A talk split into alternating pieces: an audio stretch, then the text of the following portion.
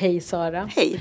Eh, innan vi börjar så vill jag berätta att det här samtalet också spelas in eh, till Stadsbibliotekets podcast. Men det är inte en liveinspelning. Vi kommer att klippa efteråt och ni som eventuellt ställer publikfrågor, ni kommer inte att höras sedan i podcasten så ni behöver inte censurera er eller känna er mikrofonskygga idag. Så, nu mm. vänder jag mig till dig ja. Sara. Välkommen. Tack så mycket. Eh, du är kulturredaktör på VK, mm. säkert bekant för många här. Mm. Eh, men kanske inte bekant för alla i rollen som författare. Nej. Du har ju nyligen debuterat. Mm.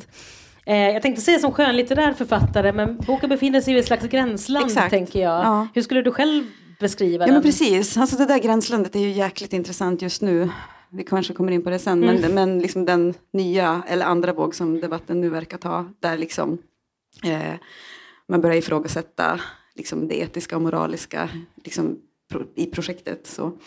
Eh, och där, ja, men jag, alltså, jag har som, sen den första, första dialogen med förlaget hävdat, liksom, alltså tagit ut, extremt noga med att ta ut, rum, ta ut rummet väldigt liksom, tydligt. Att det här kommer inte vara, det kommer inte vara liksom, en självbiografi i liksom, klassisk mening. Mm. Utan det kommer vara ett liksom, väldigt fritt verk, liksom, essayistiskt.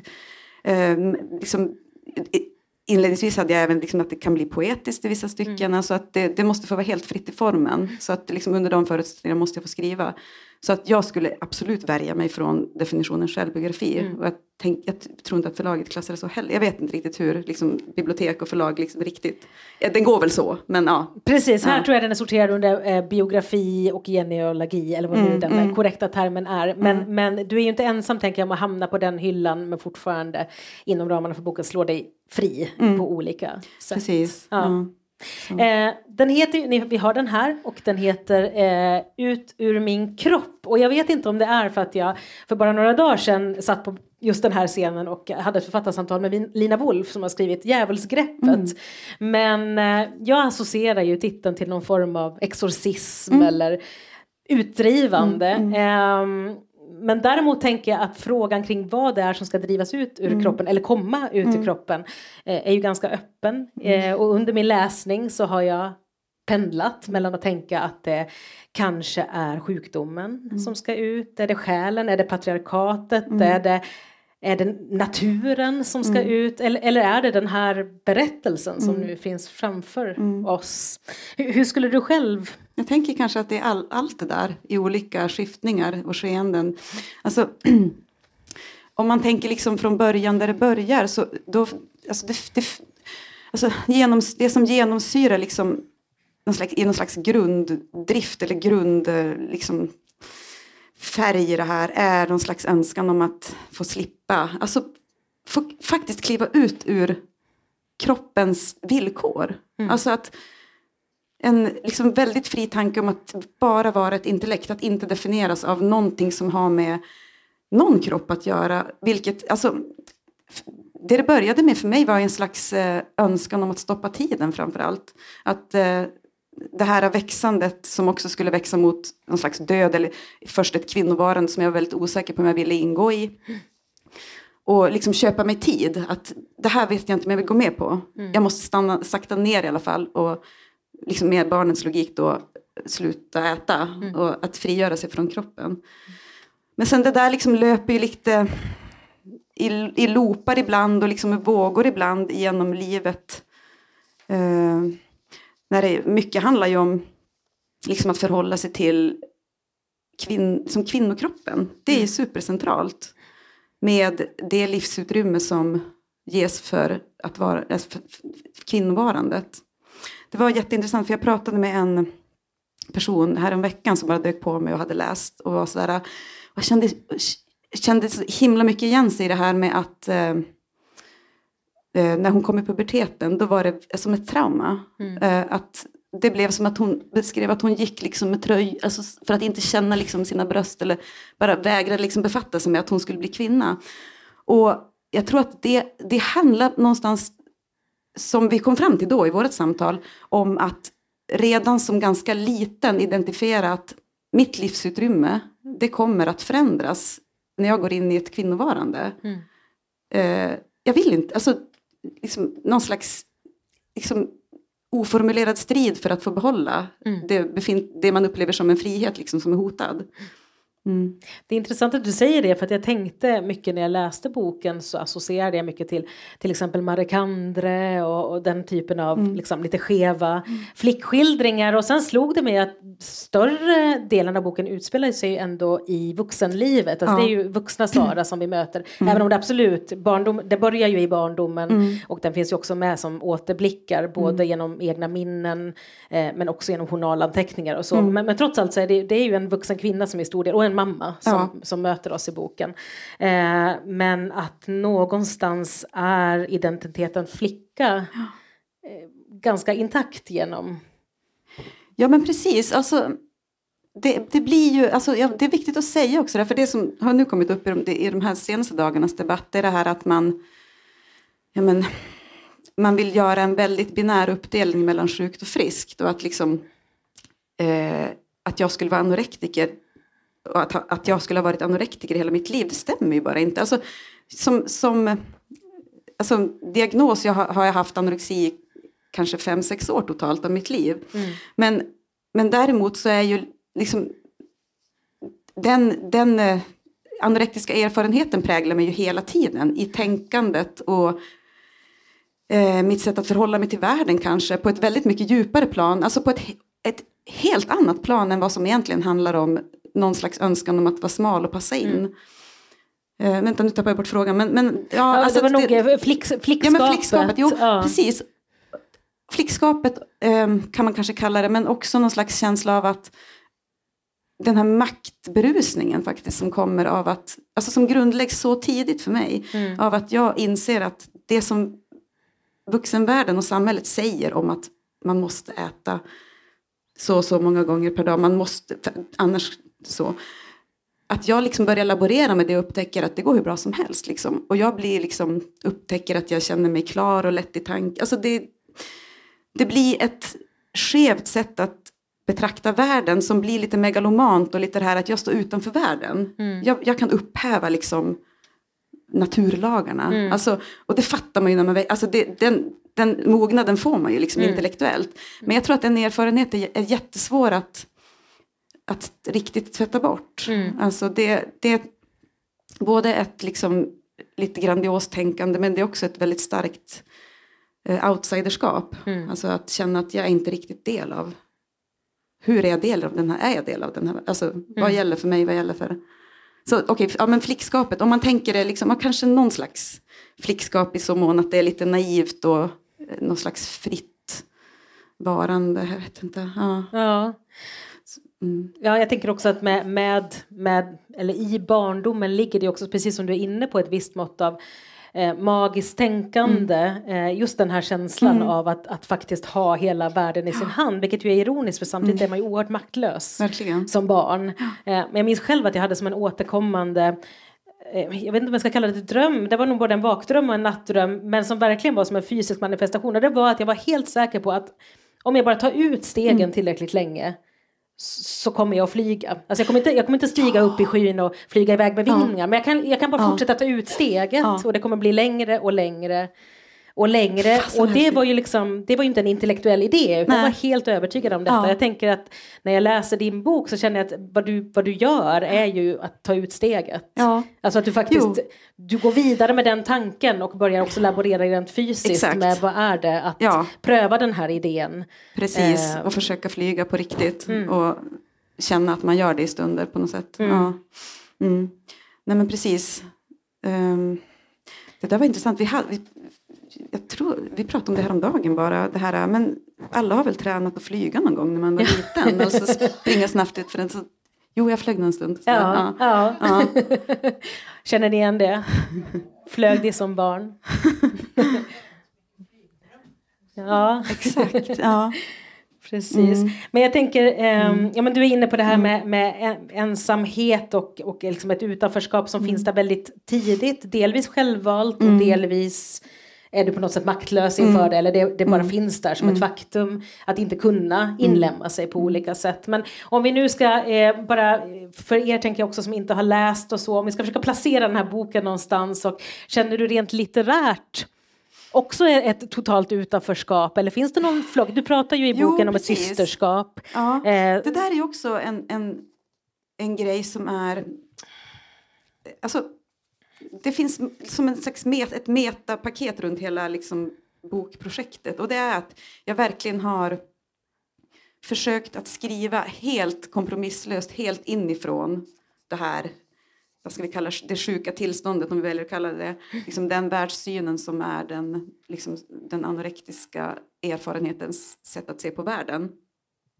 Och då blir det, alltså den är ju den är ju extremt liksom klinisk i vissa stycken för att visa liksom på det här eh, lite, lite avstängda tillståndet. mm. Och sen kan det växla över väldigt snabbt till någon så här mild eufori och lite så här, ja men det här megalomana igen, att som gudskänsla, liksom den här ja, övermänniskokänslan och liksom eh, och, och då, då är det liksom förs- försökt att fånga det litterärt, hur, hur det ehm, ser ut i text och så. Mm. Så att den är, den är ett, den är ett liksom eget litet litterärt forskningsprojekt också. Mm. Att hur kan det här göras? Mm. Mm. Och känslan av just forskning förstärks ju också av att insprängt i texten finns det de här kursgiva partierna. Mm. Och de består ju dels av journalanteckningar som jag uppfattar att det är Ja, helt autentiska. ja. ner till minsta kommatecken. Jag tror du till och med ja. börjar inleder med att Ja. skriva det, att, att det Mm. som står där är liksom... Alltså, ja, förutom att namnen är fingerade. Ja men precis, ja, precis. Men ja. i övrigt så är det Ja. liksom eh, aut- autentiska texter. Mm. Men också då mer, vad ska man säga, essäliknande eller faktamässiga Mm. stycken som handlar om, vad ska vi säga, ja, men självsvälterskor genom, Ja, precis. Genom historien och kulturen. Ja, Mycket. ja. Ja. Hur, hur, eh, för journalanteckningar är ju verkligen, det är ju ett eget språk. Mm. Ehm, och slås av hur en väldigt kort anteckning kan säga så oerhört Exakt. mycket Jag vet. Ja. eh, om en människosyn, om en Ja, kultursyn, precis. om eh, synen på... Mm. Ja, eh, Mm. Det var därför det var så himla viktigt att ha med dem. Mm. För att jag tycker att de är så litterärt intressanta i sig själva. Och där kan man också se en utveckling från då tidigt 90-tal. Liksom ett litet eh, ja, men, läns, eller Öviks sjukhus liksom. Och Mm. sen då alltså lite snabbare, det är mera pressad vård. Liksom. Man skriver lite snabbare, lite sådär, Mm. ja, inte så engagerat kanske. Eh, ja, det är så otroligt intressant. Jag har haft, eh, alltså, ja, många liksom intressanta fynd i, i journalerna. Men Ja. hur, när, när du började skriva den här boken, eller i det stadiet du visste kanske att det skulle bli en Mm. bok eller en längre text, var det första gången du läste de här journalanteckningarna? Ja, För jag hade beställt hem dem. Eh, de har legat hemma i säkert ja, men, åtta år kanske. Och jag tror, när man tittar tillbaka, jag tror att jag beställde hem dem när mina barn var ungefär samma ålder som jag själv var när jag blev inlagd. Mm. Att det var kanske det var någonting med det, att jag, ah, hur var det där? Ja. Men sen kände jag inte att det var liksom lockande. Jag var inte rädd för att öppna dem, men det var inte liksom, det, det kändes inte relevant när de väl låg där. Utan det var först, men sen när det väl blev aktuellt med, med bokprojektet och att det var liksom, nu har jag den här tiden att skriva, då var jag tacksam att då började jag plöja liksom. Och det var bra tror jag att jag gjorde det ganska raskt och liksom sökte specifika liksom talande avsnitt liksom för, Mm. mm. Mm. för att spåra. Och det, ja. Men hur, hur, hur var det då? Att möta sitt, sitt barn, Ja, men- hur barnet ja. man var? Jag kan bli ganska, alltså, jag ska verkligen säga att genom hela mitt liv och alla kontakter jag har haft med vården så har jag varit så, alltså det finns som ingen att klandra egentligen. För Mm. en del har velat peta och så liksom, är det, finns det inte en uppgörelse. Hur kan det inte ha lyckats? Varför har det inte funkat? Ja men vad fasen, ibland lyckas inte liksom cancerbehandlingar heller. Alltså ibland Mm. går det inte. Men alla gjorde sitt bästa utifrån det kunskapsläge som var. Mm. Men att eh, sådana saker som att man tidigt skriver att vi kan, vi, alltså den flickan är petimeter, hon är, hon är väldigt ja, men prestationsinriktad och hon läser väldigt dystra böcker. Och det sätter ju verkligen fingret på det här, ja men vad fasen är det som är hönan och ägg? Vad är en kultursjukdom? Eller liksom, som att det skulle smitta på något sätt. Jag menar, för jag hade ju uppfunnit det här, den här metoden själv. Det där kom ju inte från några böcker som jag hade läst. Nej. Kan jag ju se nu att och det här, vi, Eh, me- Metoden, vilken metod? vilken, vad, Du sa ju- du hade uppfunnit den här metoden Att, själv. ja, precis. Svältandet som Svältandet metod. som Mm, metod. Mm. Precis. Eh, men eh, och vi tror att det kan vara anorexi men hon är alldeles för ung för att ha det. Ja, sådär. Ja. nu vet man ju att det är på ett annat sätt. Men eh, ja, också en sorg faktiskt, om jag ska dra det lite snabbt. För det var en, eh, jag hade en läkare en, ett tag på, på barnkliniken i Övik som trädde in när en läkare hade gett upp. Och han eh, kom in som en helt annan figur. Och var inte rädd, liksom, utan han var sådär... Ta mig med in i din värld, jag vill förstå hur du tänker. Och tog med mig, vi, vi, skit i vågen, liksom, vi gör det sen. Berätta hur du tänker, hur ser din värld ut? Och vi ritar på whiteboardtavlor och det var liksom som en vindlande, liksom, ny, ett, liksom få bli hörd så upplevde jag som otroligt liksom, stort och befriande. Eh, och vi följdes åt ett tag och sen slutade han fick jag veta då. Men jag fick ju läsa nu i journalerna att han hade ju också gett upp. För att han hade då blivit för, känt sig för maktlös. Och Mm. eh, tagit sina händer ifrån mig och sagt jag, jag vågar inte liksom ta ansvar för det här längre. Och det var tungt. För att jag hade ändå då känt att men vi var ju allierade. Du, var, ju- du ville ju liksom gå med mig in i det här. Mm. Och nu kan jag tänka att det var ju väldigt, liksom helt rätt att han gjorde så. Jo, Men, ja. jo. ja men det är sådana där upptäckter. Det är också en Mm. väldigt sorglig, alltså även som Mm. läsare så känner man ju den, Ja. den sorgen. Eh, att han, han, han lämnar underlandet eller kaninhålet lämnar och, underlandet, eh, ja. och, och klättrar upp Ja, igen till, Precis, till, eh, till jorden där ovan. Mm. Men, eh, nej, men jag, jag känner också att det, det finns inte, det är ju inte en uppgörelse. Det här är inte en uppgörelse upplever jag med anorexivården eller med, Mm. det, det är liksom inte det det handlar om. Däremot så finns det ju en berättelse eh, som en underton i boken om läkarvetenskapen och om, om liksom synen på hysterikan. Mm, eh, du nämner ju, nu är ju min franska obefintlig, Charcot. Exakt, Ja. ja. Eh, Precis. som, Ja. ju, som ju var känd för, eh, eller hur, hysterikor. Han, han försatte dem i hypnos. Precis, han förevisade Mm. på La Sette Salpêtrière inför liksom auditorium och Mm, läkare. Iscensatta, eller ja, halvt iscensatta sjukdomstillstånd. Han dompterade väl liksom patienterna. Så. Just det. Mm.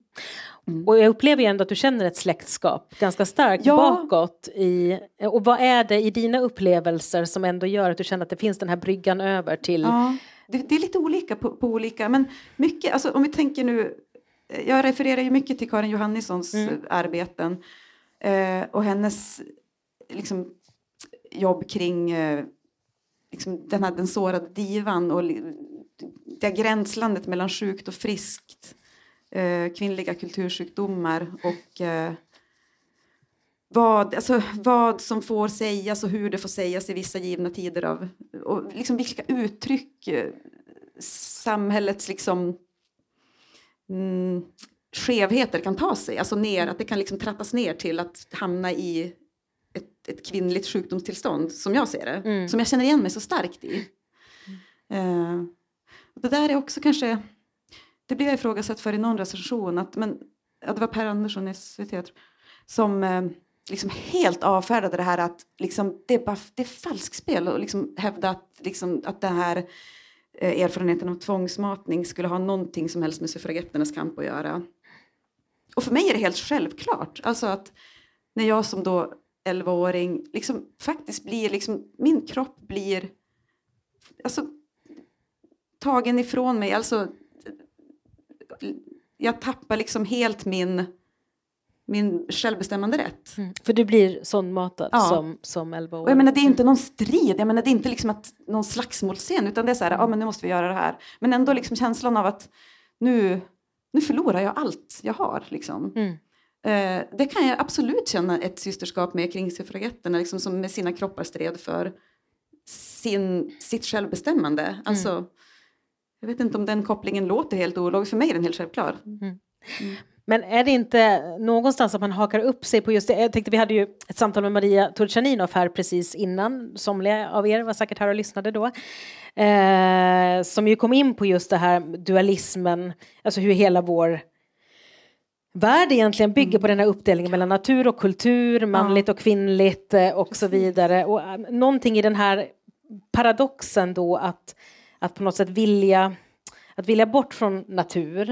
Eh, men samtidigt så blir det ju någonting i, i svältandet som gör kroppen istället hypersynlig. Mm, mm. Eh, Ja. Verkligen. Jo, men det är ju Alltså jag verkligen... att det är ja. någonting i, i den paradoxen som tänker jag man också att jag då f- fastnar där. Mm, Att, att i liksom flykten bort från eh, ja, Eh, Verkligen. Nej, men det är flykten ju- ur kroppen, Det, det är placerar den och låser Nej, men den precis, i den. Precis ja. så är det. Och det är ju, liksom, den, det är ju sjukdomens paradox. Liksom, att det, det handlar, för mig i alla fall, Mm. har aldrig handlat om någon vilja att vara smal eller liksom upp, uppnå någon, någon slags yttre skönhetsideal. Och det har aldrig handlat om viljan att dö. Men konsekvenserna blir, du blir smal och du kommer att dö. Mm. Därför att det är liksom en, det är en typ av beroendesjukdom som leder liksom, det leder ner i döden. Mm.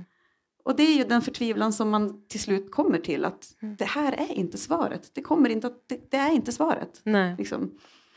Du, Eh. du skriver ju vid något tillfälle, ehm, tror jag du skildrar kroppen som ett vapen. Eh, inte kanske i första hand då riktat mot dig själv Mm. i någon slags självskade retorik som vi är ganska Mm. vana vid. Alltså det finns ju en slags lingo som omgärdar liksom den självskadande kvinnan eller flickan eller Mm. ungdomen eller så. här. Men du skriver jag vill skada andra med min kropp. Och det är något slags flöde, något tankeflöde Eh. ja, där. Att det finns eh, en enorm aggressivitet liksom på något sätt. Som Precis, är lite och du- oriktad. Och du är ju också inne på det till och från, detta med att vara, att vara jägaren, att inte Ja. vara bytet, att vara jägaren. Ehm, så att, att, att svälta sig stark, den paradoxen, att Mm. Ja, vara det jägaren. Du har också något du kallar jägarläger, kan du inte Ja, förklara och det är det? det här farliga liksom som nu en del tycker att vi inte ska prata om alls. Därför att det kan vara eh, något som berättar om någonting som är lockande. Alltså det är ju faktiskt bara ett tillstånd som jag tror, alltså människor som fastar till exempel. Mm. Man upplever en viss mild eufori av att gå ner i svält. Liksom. Det, eh, att det blir liksom ett eh, endorfinpåslag, ett adrenalin. Alltså att du kommer, alltså över en överlevnadsskäl så blir man alert för att du ska gå ut och kriga, du ska gå ut och jaga mat. Liksom. Då måste du vara skärpt och liksom snabb och vass, liksom, lite svartvitt i ditt tänkande gärna för att då Mm. blir det snabbare liksom, och inte så känslomässigt liksom, påverkad. Så, och det, ja, det är jägarläget och Det det, är jägarläget. rätt skönt liksom, att vara i tills det inte är skönt längre och det är väldigt kort liksom, Mm. fönster vi Mm. har. Mm. Mm. Ehm, jag tänkte på det, eh, om vi tittar på omslaget här så är det ju ett självporträtt. Det är du själv som har tagit bilden också Nej, eller? Nej det är det inte. Mm. Det är Elin Berge som har Det tagit är Elin Berge som har tagit ja. bilden. Att jag trodde att det var du som hade tagit den det är ju för att eh, upprinnelsen till boken ju egentligen var på Instagram. Mm. Precis. Att du började posta Ja, fotografier och och tillhörande Ja, texter. Och jag blir nyfiken då på, för att jag tänker att mycket av samtalet kring anorexi eller ätstörningar i vår tid handlar ju om utseendeideal och så. Mm. Och du säger nu att för dig har det liksom handlat om någonting annat. Men jag, jag blir ju ändå på något sätt nyfiken på liksom Ja, men bi- bilders betydelse Ja, för precis. dig. Eh, du skriver ju mycket i bilder. Ja. Eh, det är en väldigt bildrik bok. Ehm, ja, vad har du för relation till, till bilder och till självporträtt? Jag har haft väldigt, alltså, jag har haft väldigt svårt för bilder på mig själv Mm, i alla år fram till för liksom några år sedan. mm, Jag har inte velat vara med. Alltså, det fanns ju perioder i min barndom när jag var sjuk som jag verkligen var så här, nej men jag, jag ska inte vara med på bild. Och det finns väldigt få bilder på mig. Mm. Så och jag har haft ett komplicerat förhållande till, till det. Men, men sen är det handlar väl om liksom ett, här, kanske något halvmedvetet projekt av att eh, testa hur det är att ta plats på det sättet med min egen bild i eh, offentliga forum. Alltså hur blir det och hur kan jag laborera med det? Liksom en slags, det finns ju ehm, en väldigt som, bred och liksom, även analyserad tradition kring det, den typen av självporträttberättelser. Mm. Så det, det är väl någon slags eh, ja, en lek med det där, hur, hur det skulle se ut. Hur, får, jag, alltså, så här, får, jag, får, jag, får jag ta plats så här? mm, Vad händer om jag gör det? mm. Ja, men det verkar ju liksom, hur tas det emot? Och, ja, ja, Ja. testa liksom de gränserna och rummen lite grann. Mm. Jag tänker just det här platstagandet, eh, att du skriver ju ja, som vi alla gör utifrån en, en mängd identiteter och positioner såklart. Men jag, jag tänker framförallt då på två.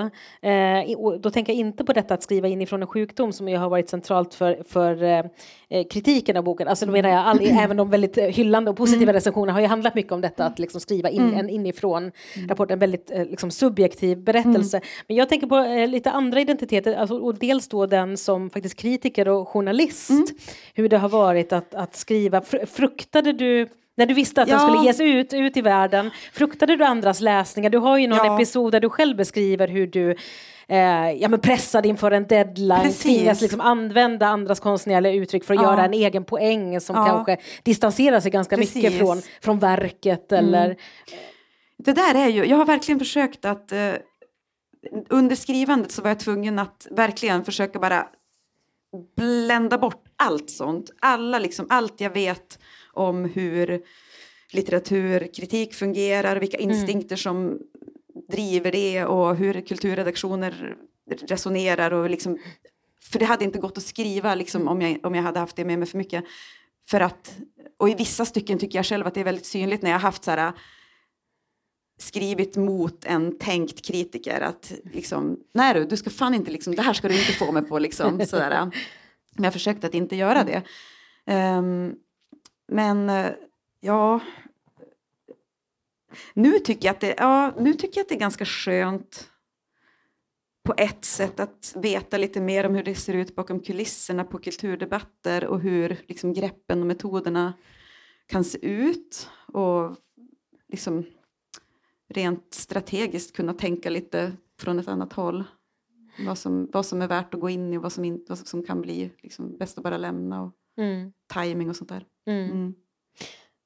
Den andra mm. positionen jag tänker på det är ju den som förälder eller mm. kanske mer specifikt som mamma. Mm. Eh, och det är ju en av bokens smärtpunkter ja, också. Ja. Eh, jag menar inte bara att skriva som mamma utan att vara det och att vara det i sjukdomen. Och, ehm, Ja, du, du resonerar ja. ju kring det etiska mm. i att skriva ja. som, som mamma. Vem är ansvarig utgivare ja, för det här precis. vid något tillfälle? Och många kritiker har ju också tagit fasta på just föräldraskapet som den här stora svartpunkten. Mm. Men jag tänker att eh, själva slitningen mellan att vara mor och en skapande person, mm. den tror jag väldigt många ja. människor delar och kan uppleva. Verkligen. Men här finns det ju en ytterligare en dimension ytterligare, ja, då i att barnen också skrivs in mm. i din berättelse. Mm. Var det frestande någon gång att, att fiktionalisera? Att, eh, Ja. Att skriva det här i, i, liksom, i en berättelsens form. Jag tror, ja, det, det, alltså, det, kan ha, det kan ha funnits någon sån tanke att det här vore, smid, det här vore skonsammare att göra liksom helt, helt i romanform. Mm. Men eh, jag vet inte, jag är väl lite för intresserad själv av vad som händer när det blir helt naket. Mm. Alltså, jag tror jag hade något driv och bara, nej men nu, det här måste, det här måste jag liksom bara fronta ja. fullt ut liksom. Och se vad som händer. Sen har det ju varit, jag hade inte gjort om barnen vore mindre, alltså, och om de inte, alltså de har varit från första Instagram-inlägget har de varit helt självklara med att det är klart du ska berätta det här. Mm. Det är klart du ska berätta det så här också. Mm. Och liksom fullständigt uppbackande i hela projektet. Och det ska ju också Men... sägas att dina barn eh, spelar ju jag menar, de växer ju inte fram som några personer nej. i den här boken. Alltså, du, nej, nej, nej. Du, du, de är, är väldigt, mera. Ja, du är väldigt ja. mån, upplever jag, ja. om deras integritet. Utan det här är ju en historia mm. om dig och, och, och, om moderskap. Precis, och, och, det är ju utfilerat liksom, situationer ja. som som jag vill ta med för att belysa liksom olika exempel på mm, hur vår tillvaro var. Precis. Ja. ja. Men jag tänker att den du utlämnar i de situationerna upplever jag ju är, är dig jo, själv jo. snarare än, än, än barnet. Ja, hoppas, men, ja, men det är fint att det läses äh, så. Mm. Mm. Mm. Det, det, finns också ett resonemang om att eh, sjukdomen eller det, jägartillståndet eh, är ett slags villkor för, för skrivandet. Eh, eller i alla fall att du har svårt att föreställa dig ett skrivande på något annat vis. Mm. Ehm. ja, alltså och det där är ju, ja, det där är hårt draget också för att jag menar, det förstår man ju egentligen att det är klart att jag inte har skrivit i ett svälttillstånd. Liksom, mm. Det har ju varit små, enskilt, liksom, i, perioder av livet och liksom, ja, glimtar mera. Mm. Eh, men det är... Eh, hela, den, hela det fältet berör ju också det här med det här liksom kreativa tillståndet som en del liksom svältkonstnärer använder sig av som Kafka eller liksom Karin Blixen men också som kan, tycker jag, kopplas väldigt liksom starkt till an, andra, liksom, bruk av andra substanser hos Mm. konstnärer och författare, alltså skapande människor. Att man letar efter att försätta sig i ett tillstånd som känns eller är frigörande för tanken som liksom, för den personen då lossar på en massa hämningar eller liksom självcensur och Mm. får det att liksom flöda på. Mm. Eh, och det är väl också en, en av de här farligare sakerna att prata om. Men jag menar på att det måste man väl kunna prata om på samma sätt som man pratar om alkoholmissbruk och att ja, men, Carina Rydberg har skrivit alla sina romaner tydligen påverkad av alkohol. Liksom, alltså det är ett, det är intressant som fenomen. Mm. Mm. Mm. Jo, och missbruk finns ju också med i boken, Mm. alltså som du beskriver din period i London. Mm. Ehm, och där det också det är sex och Mm. droger som i vilken Kerouac eller Bukowski Mm. eller, eller Miller som helst Mm. fast eh, samtidigt ganska befriat eh, kanske på lust eller utlevelse Ja, men, eller ja men eh, precis och det är också den episoden är viktig att berätta för att det handlar om och det är något som jag tror att väldigt många kvinnor kan känna igen sig i att man upptäcker att min kropp kan vara en, en slags valuta mm, eh, i olika sammanhang, socialt eller liksom och då är det väl bara fint ifall, det här låter väldigt grovt när jag pratar om det men, men alltså eh, fint om det inte är så känslor, liksom, om, om man kan vara lite avstängd så, Mm. går det, så är det väl mycket liksom, då kan jag vara som en snubbe liksom som bara använder det lite sådär lättvindigt Mm. så, ja, för att eh, få saker. mm, Eh, ja. mm. Så det kopplar väl till det. Vi eh, tappade ju bort en överenskommelse vi hade som var att du ganska tidigt in i det här samtalet skulle läsa ett stycke för att jag vill att ni som inte har läst boken än, jag hoppas verkligen att ni gör det, eh, också ska få ta del av ditt språk därför det här är ju verkligen en berättelse som befinner sig i språket. Um, skulle, skulle du vilja läsa ett litet Ja. stycke? Jag ta Eh, din? Ja, det kan du få göra. För den var så bra. Men, men nu vet jag inte riktigt. Nu blir jag så här, vad, vad, ska- vad, ska vi, vad, ska vi, vad vill ni höra? Vill ni höra om den vuxna människan eller barnet? Eller? Full av Eh. hundöron, men då vill jag säga ifall jag har några kollegor här att det är som ett privata exemplar och inte en lånebok. Ja men här då. Vänta. Ja men jag tar det här då. Det är när barnen är små. Eh, på väg hem från förskolan. I en sjö av våt sand bjuder flickorna till fest idag. Galonbyxorna smetar mot eftermiddagen och jag tappar känseln i fötterna när jag sitter på huk i smala jeans. Vi skulle bara hem och jag är aldrig varmt klädd som de andra föräldrarna. Men jag säger ja till förskolegården. Jag har så många nej jag behöver spara till sedan för man vet aldrig hur en dag ska arta sig förrän det kan vara för sent. Solblekt plast är porslin på vår supé, lönnlöv servetter och barr, tallkottar och portionsförpackad lera är något av allt som finns att välja på idag. Jag är en exemplarisk gäst. Hungrig som en varg förklarar jag och får alla rätter på menyn. Så tänds gatlyktorna på cykelbanan intill som en perfekt öppning på festen. Jag speglar mig i flickornas blickar när de serverar mig och till sist ser jag mig som jag borde vara. En exemplarisk mamma, visst. Hur hon jagar mellan lek och verklighet så raskt, så raskt för att trampa upp den stig i snåren som varje barn behöver erbjudas. Rågången mellan det som är på riktigt och det som är på låtsas, mellan det farliga och det snälla. Från lillflickans sandiga fingervanter förser jag mig av små svampar. Storflickan har gjort en bricka full av lerkakor med ett täcke av gräs. Det är fint att kunna dela en måltid så här. Pojken sover ännu en stund i sin dunpåse vid gungorna.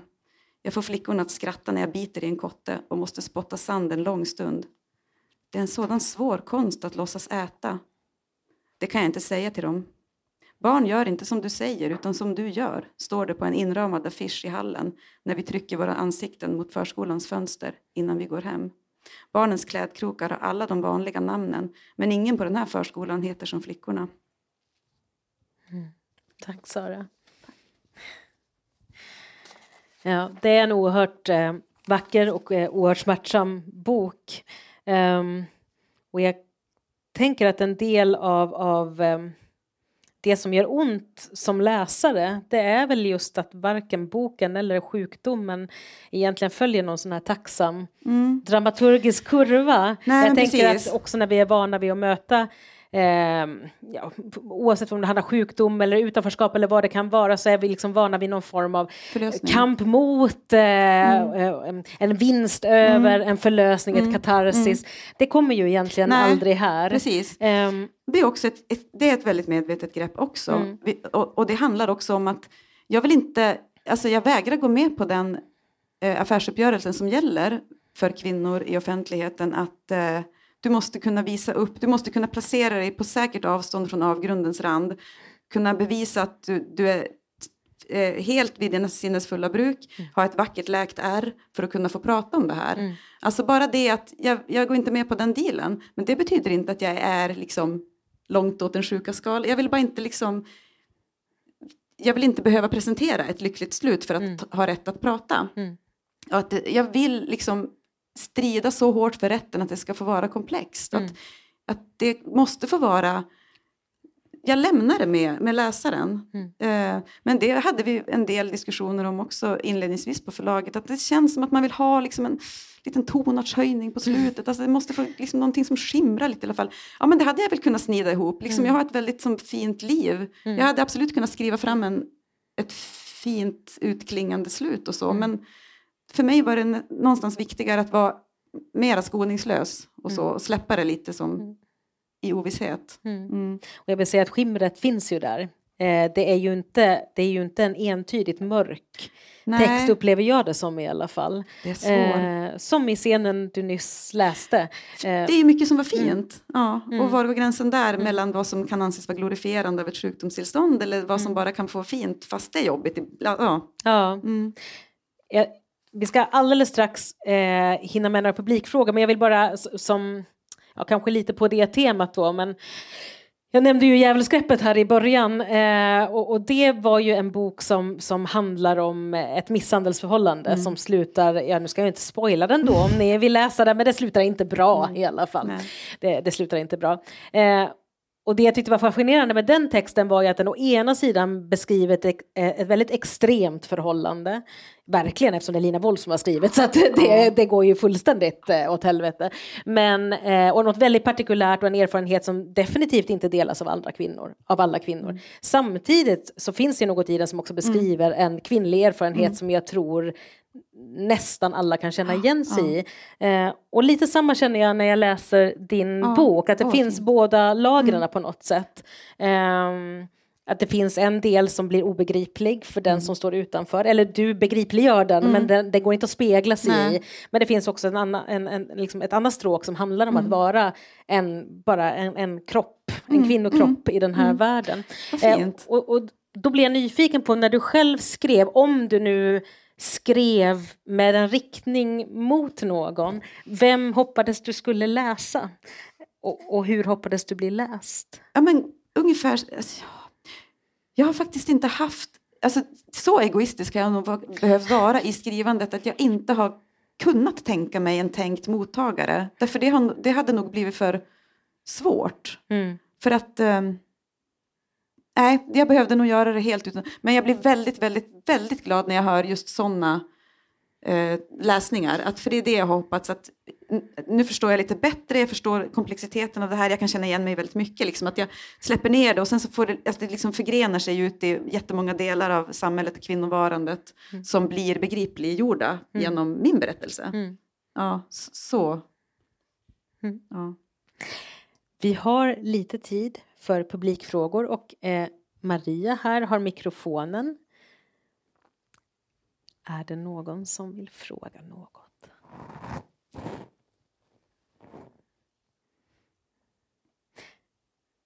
Annars har jag en till.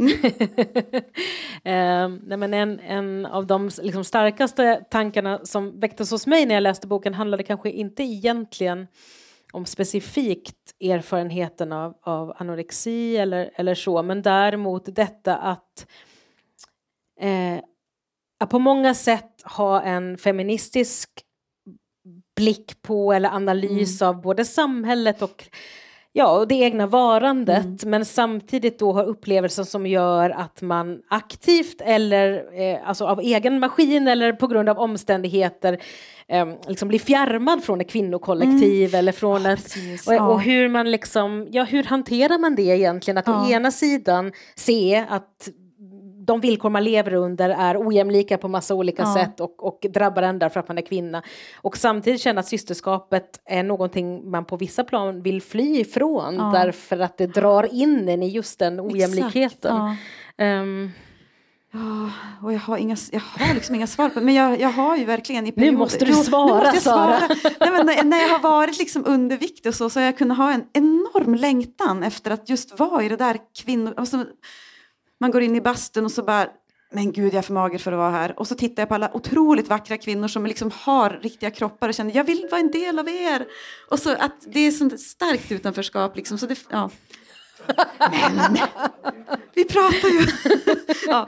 ja, vi kanske får avsluta. Eh, jag tycker du ska, ja. få, du ska få, du ska få ja. i lugn och ro avsluta den tanken.